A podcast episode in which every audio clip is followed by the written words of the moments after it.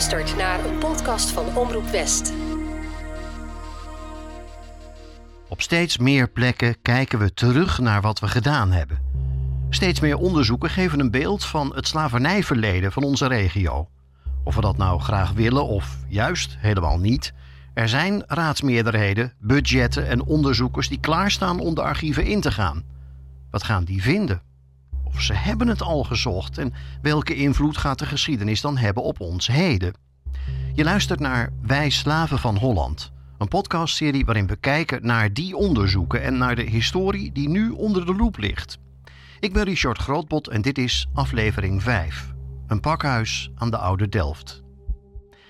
Ik wil jullie allereerst bedanken voor de reacties die ik kreeg. Want sinds ik mijn mailadres openstelde, podcast.omroepwest.nl, kreeg ik zoveel reacties dat ik ze niet allemaal meer kan behandelen. Eentje springt er wel echt uit en die is van Peter Dijkman. Hij vraagt me hier iets over wat ik in de vorige aflevering aankondigde. En dat is dat deze laatste aflevering zou gaan over Delft. Hij schrijft: Waarom Delft? Waarom moet zo'n middelgrote stad als Delft nou ook zo'n slavernijverleden onderzoeken? En waar houdt dat zoeken naar het verleden dan eigenlijk op?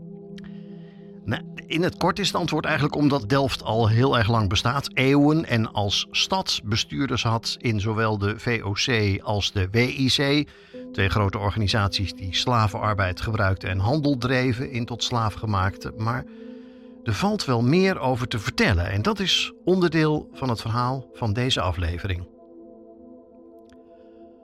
Om dat verhaal te kunnen vertellen, neem ik je mee terug naar 2019. In Delft wordt de Gouden Eeuw gevierd en dat gebeurt met exposities, met rondleidingen, feesten en een tv-spotje om buitenlandse gasten naar Delft te lokken. Het is onderdeel van een echte mediastrategie waarbij de burgemeester aanschuift in een locatieuitzending van Omroep Max in het centrum van Delft. If you want to experience the Dutch Golden Age, there's no better place than Delft. De burgemeester van Delft, Marja van Bijsterveld. Wat zijn eigenlijk de belangrijkste momenten die zich hier hebben afgespeeld? Ja, dat zijn er vele die ook echt tot de verbeelding, denk ik, van menigeen hieromheen en ook luisteraars en kijkers thuis uh, zal zijn. Dat is Johannes Vermeer natuurlijk, zeg maar de schilder van het licht. Uh, dat is uh, Pieter de Hoog, maar ook Hugo de Groot, Antonie van Leeuwenhoek heel veel bekende Nederlandse namen die in die Gouden Eeuw verbonden zijn aan Delft. So if you want the best of the Dutch Golden Age, visit Delft. En ik laat dit niet horen om nou achteraf zuur te doen over het feit dat de slavenhandel niet belicht werd in die informatie over Delft en de Gouden Eeuw. Want ik ben zelf ook naar die exposities geweest in Delft en ik vond het er echt heel erg mooi. Het was 2019. Het slavernijverleden, dat stond nog niet zo op mijn radar. En ja, dat geldt ook duidelijk voor meer mensen op dat moment. Maar het geldt niet voor Geraldine Osepa. Zij is gemeenteraadslid in Delft. Zij loopt daar ook rond tussen die wapperende vlaggen.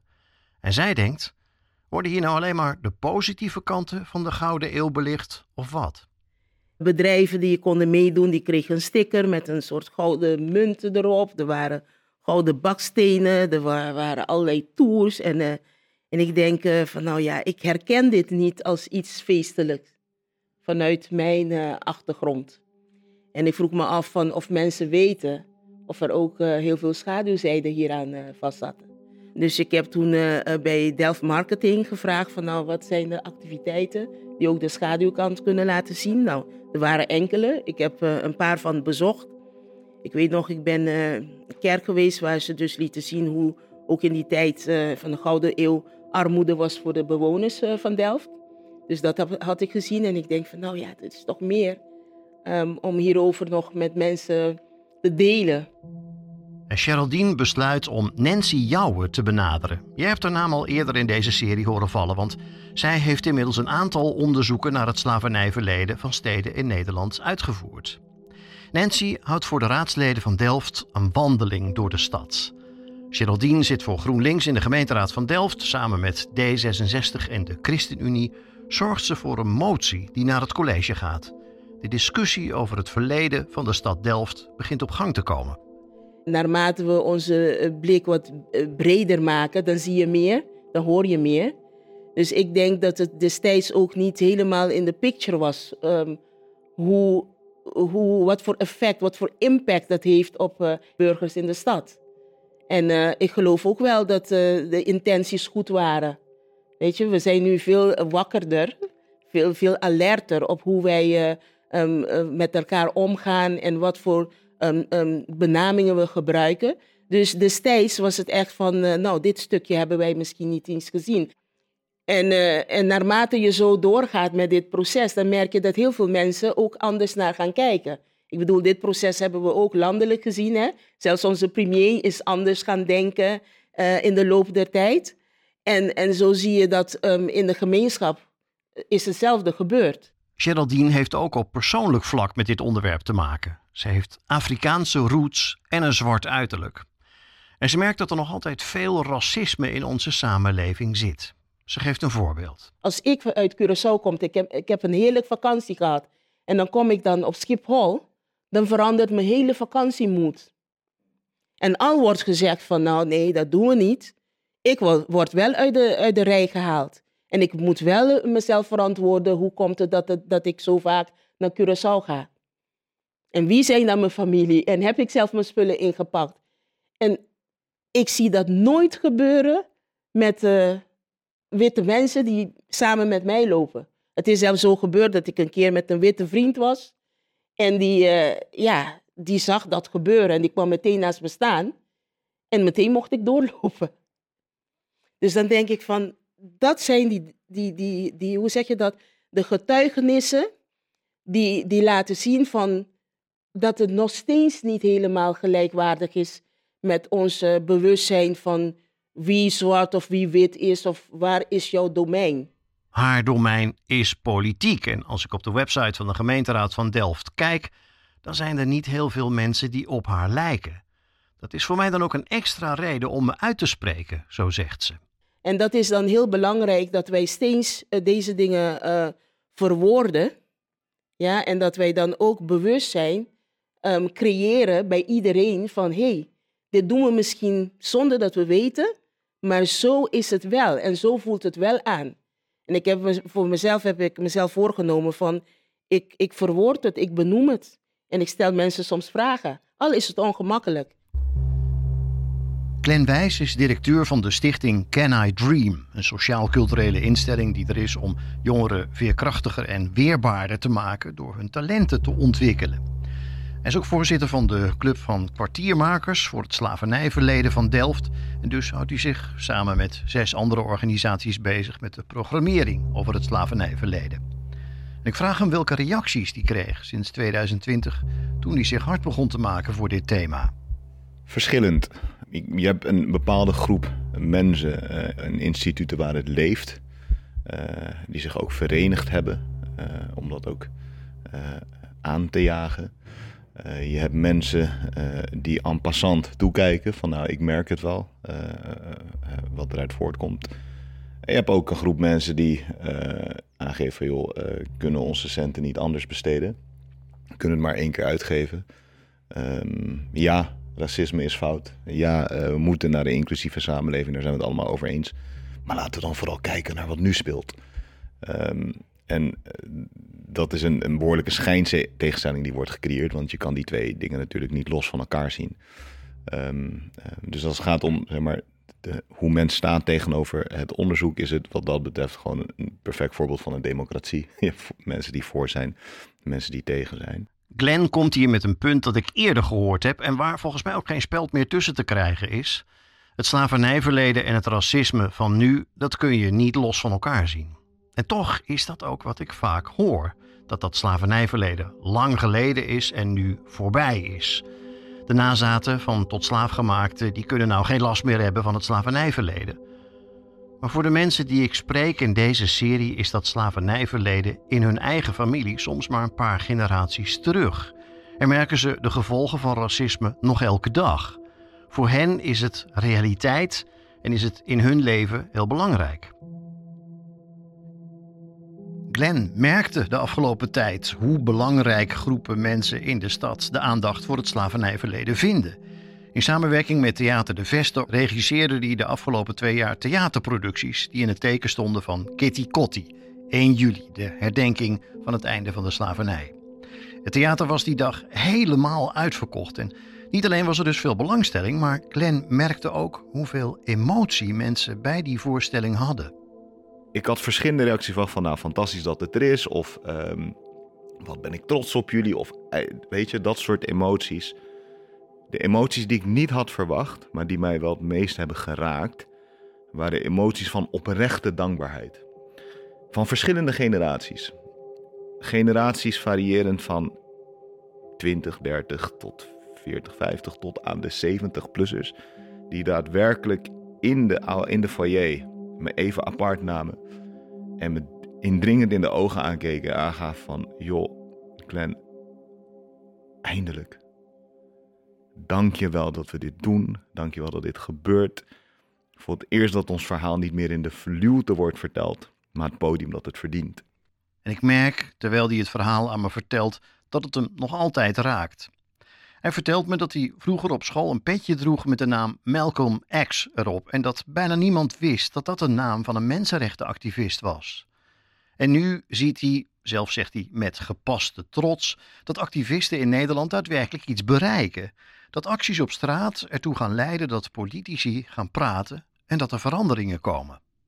We leven nu best wel in een luxe tijd. En um, wat bedoel ik met luxe? Eh, het momentum is nu daar. Uh, er is een golfbeweging landelijk, internationaal, uh, if you will, waarbij we de geschiedschrijving opnieuw herijken. Um, je hebt een, Nigeriaanse schrijver, Chinua Achebe, en die heeft een hele mooie quote. En die luidt: Unless lions have their own historians, the history of the hunt will always glorify the hunter. Als je dat even in laat denken, unless, in laat dalen, unless the lions have their own historians, the history of the hunt will always glorify the hunter. Besef je dat tot nog toe uh, het VOC-verleden, dat werd opgehemeld. Hè? Balken had het nog over de VOC-mentaliteit. Dat is deze quote. Dat is de conqueror that writes history. En gaandeweg zien we die uh, verschuiving ontstaan dat je heleboel scholars hebt vanuit um, underprivileged communities die op dat moment um, ook aangeven, nee wacht even, wij moeten de volledige geschiedenis gaan vertellen. Uh, en, en, dat, en dat is wat we nu aan het zien zijn. Glenn hoopt dat de uitkomsten van het onderzoek helpen om duidelijk te maken waar de ongelijkheid in zijn stad en de impliciete vooroordelen die daarvan de basis vormen, waar die vandaan komen. Hij zegt dit moet niet een opleving zijn van pakweg een jaar, maar ook van de komende jaren. En daar ontmoeten de politiek, de onderzoekers en het maatschappelijk leven elkaar opnieuw. En alleen al dat is een goede reden om met die onderzoekers te gaan praten. Ik heb een afspraak met Nancy Jouw, een historicus uit dat onderzoeksteam. Maar eerst wil ik je meenemen naar ons hoorspel. Je weet misschien nog de situatie waarin we Malaika hebben achtergelaten in een rammelende koets op weg naar het schip waarmee ze twee maanden geleden als gevangene naar Nederland is gevoerd.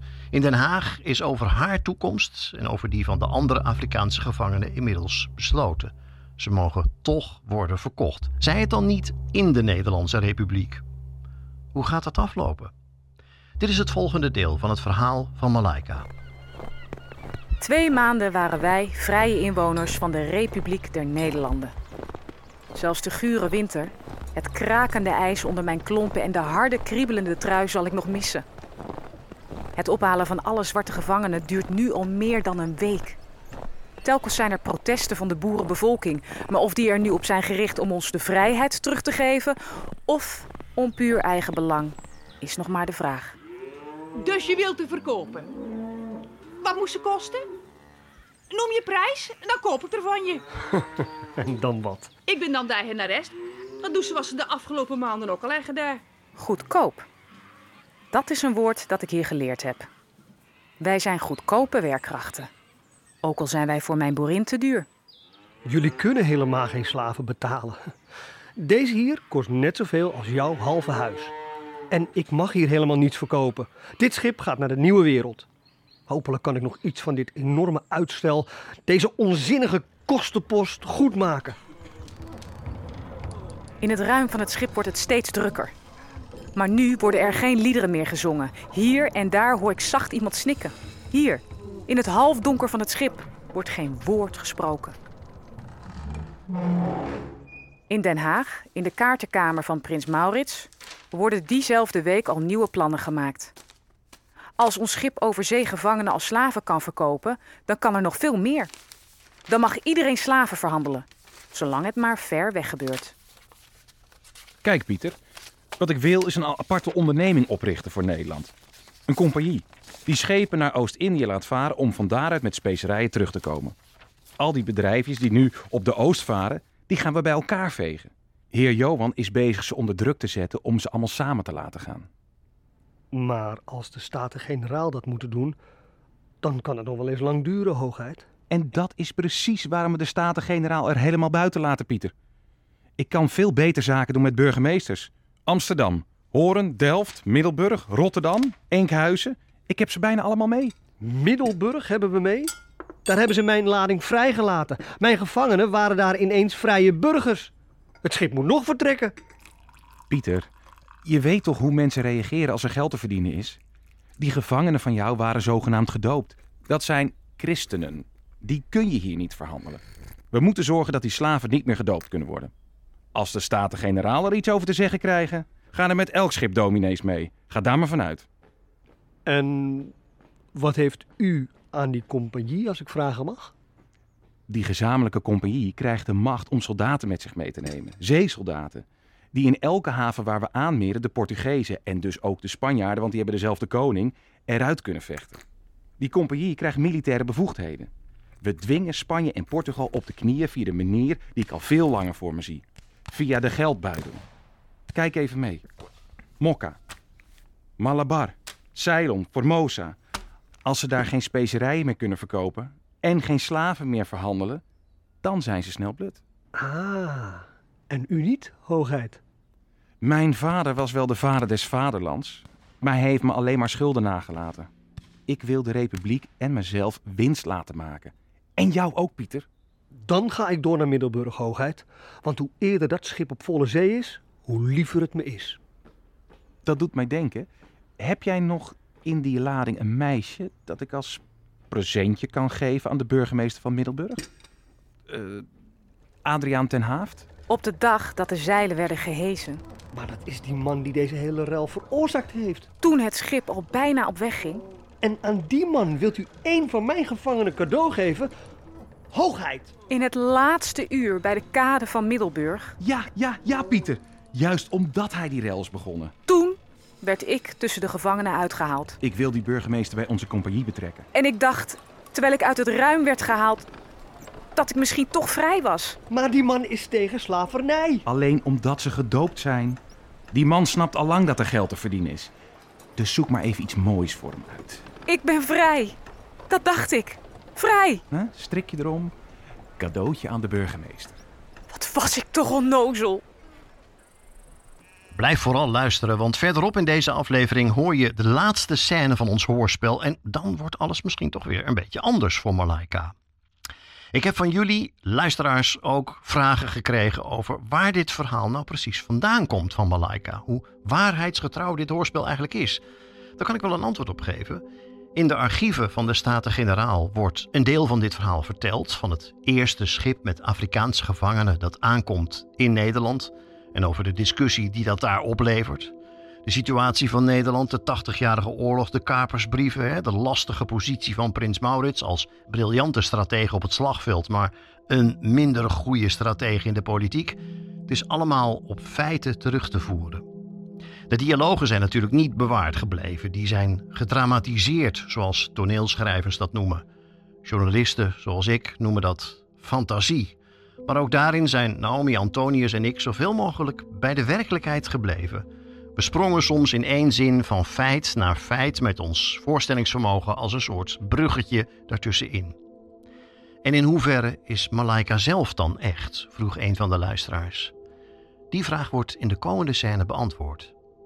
Dus blijf luisteren. Maar eerst ga ik terug naar Delft, naar Nancy Jouwe, een van de onderzoekers van het slavernijverleden van de stad. Eerder heeft ze al in andere gemeentes zo'n soort onderzoek gedaan. En om te kunnen begrijpen wat ze heeft gevonden, neemt ze me mee naar de binnenstad voor een soort rondleiding. We staan bij de Oude Delft, waar een groot pakhuis staat met het logo van de VOC erop, met eronder de D van Delft. Het onderzoek waaraan zij meewerkte laat zien dat bestuurders van de stad dezelfde mensen zijn die je tegenkomt in het bestuur van de VOC. En soms zelfs tegelijkertijd ook van de WIC, de West-Indische Compagnie. En dat geld, zegt ze, dat stroomde bij ze binnen. Het idee was dat ze daar natuurlijk geld mee verdienden. En dat gebeurde ook. De VOC was een lucratief businessmodel. Tuurlijk uh, verdienen ze daar ook uh, aan. Uh, op een gegeven moment wordt de West-Indische Compagnie ontstaat.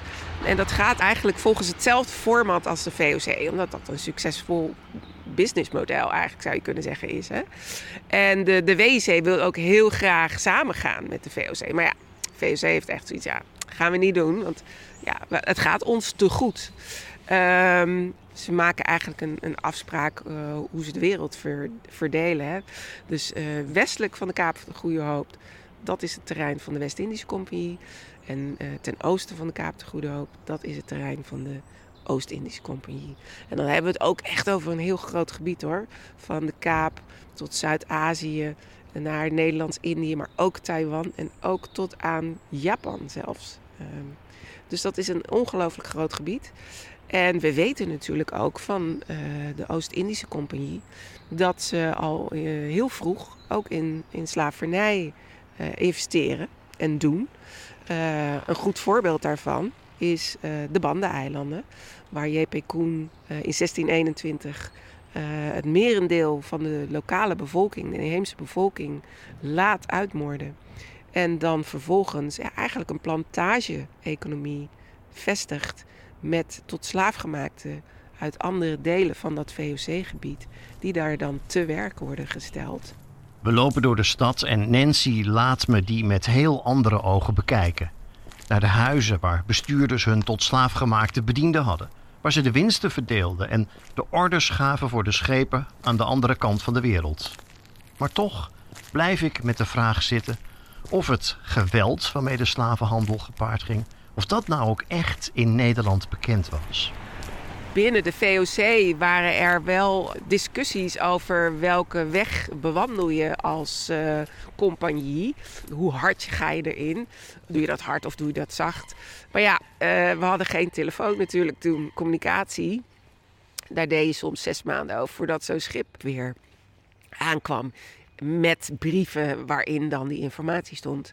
Dus ja, bestuurders konden ook moeilijk sturen uh, daarop. Het is een vraag die je moeilijk tot in details kunt beantwoorden, maar we weten wel dat geweld destijds overal gebeurde in de behandeling van tot slaafgemaakten. Ik hoef me wat dat betreft geen illusies meer te maken. Met deze ervaringen in Delft zijn we bijna aan het einde van deze serie, waarin ik probeerde te laten zien hoe het nou staat met die onderzoeken in onze regio naar het slavernijverleden. Maar wat nog blijft, is het laatste deel van ons hoorspel. Het hoorspel van Malaika, die tussen de andere gevangenen werd uitgehaald als een soort cadeautje voor de burgemeester. Hoe zou het haar nou zijn vergaan? Luister mee naar de laatste aflevering over Malaika. Op de dag dat de Verenigde Oost-Indische Compagnie werd opgericht, was ik in de zaal. Ik was een van de vele bedienden van de groep mannen die zich na die dag de Heren 17 zouden noemen. Het donkere meisje met de kan warme chocolade, dat was ik. Op die koude dag in maart 1602. Welkom, heren. Welkom in de zaal waar we samen geld gaan verdienen. Voor de Republiek, ook een beetje voor uzelf en voor de hardwerkende burgers die een aandeel kunnen kopen in dit bedrijf. Wij kunnen de Republiek der Nederlanden hier laten meeprofiteren. Vooraf begreep ik niet meteen dat het ook hier weer even over slaven ging. Even, in de kantlijn van de discussie.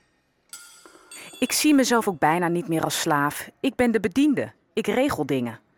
Ik ben de afgelopen jaren geworden als een vis die zelf niet weet dat hij zwemt in andermans water. Mijn leven is niet van mij, het is van burgemeester Adriaan ten Haaft. Om ermee te doen wat hij wil.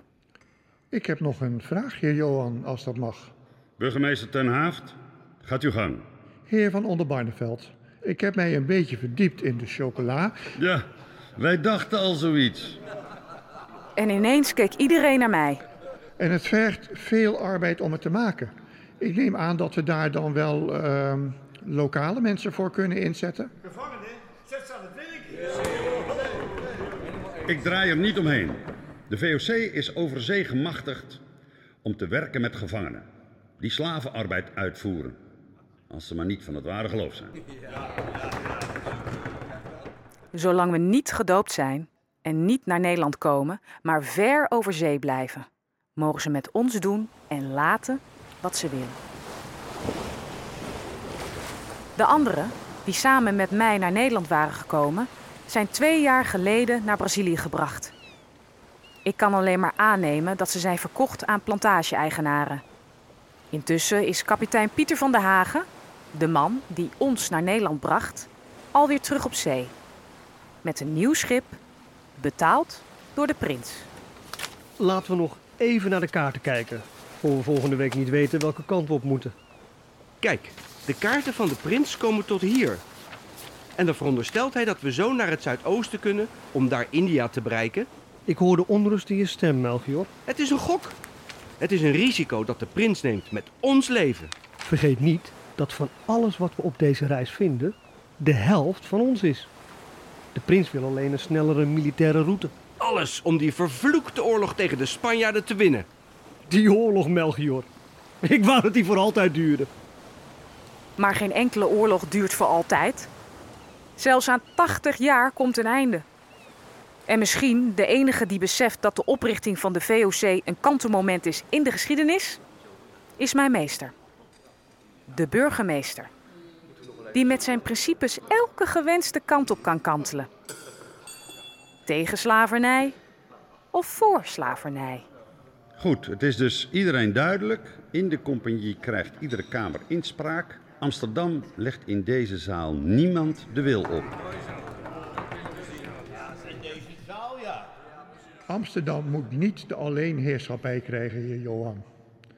Zeeland investeert zakken vol geld. Als er straks geld verdiend wordt, dan moet de opbrengst hier eerlijk verdeeld worden.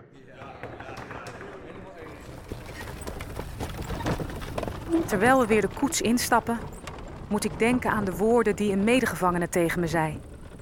Op de dag dat onze ketenen werden afgedaan. Onthoud goed. We zijn niet echt vrij.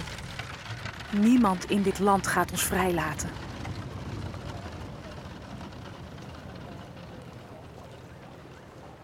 U wilt weten hoe het verder liep? Vanaf dit moment, twee jaar later, is mijn burgemeester een van de grootste slavenhandelaars van het land geworden. Vanaf dit moment, twaalf jaar later, verdient prins Maurits miljoenen met specerijen, koffie, cacao en met slavernij. Vanaf dit moment, twintig jaar later, krijgen de prins en Johan van de Oldenbarneveld ruzie. Dat zat er altijd wel een beetje in. Alleen eindigt deze ruzie op een schafot. Heer Johan wordt onthoofd. En ik? Ik heb het overleefd. Mijn burgemeester is heel blij met me. Daar zorg ik s'nachts wel voor. De archieven vertellen u niet zoveel over mijn leven. Laat staan over mijn dood. Maar in een Zeeuws museum ligt nog een klein bronzen hoofdje. Gemaakt door een onbekende kunstenaar. Ze weten niet wie de opdrachtgever is. Dat weet ik alleen. Het is maar een klein beeldje. Een paar centimeter groot. Een beeldje van een vrouw met grote ogen. Een vrouw die alles heeft gezien. Die ogen, die zijn van mij.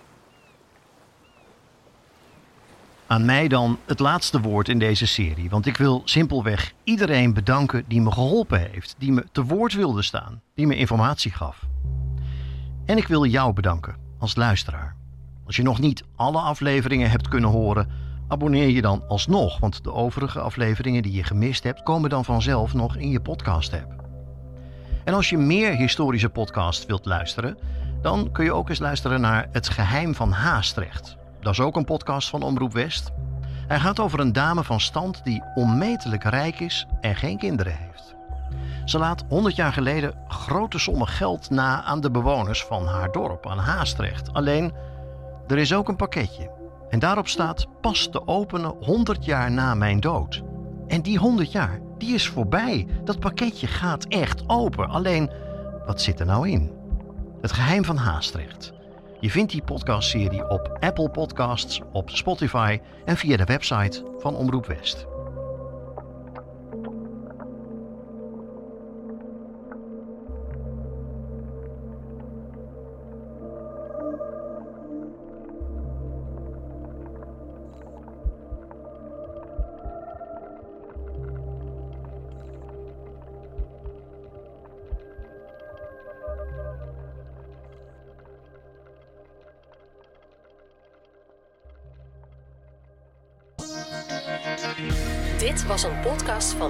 West.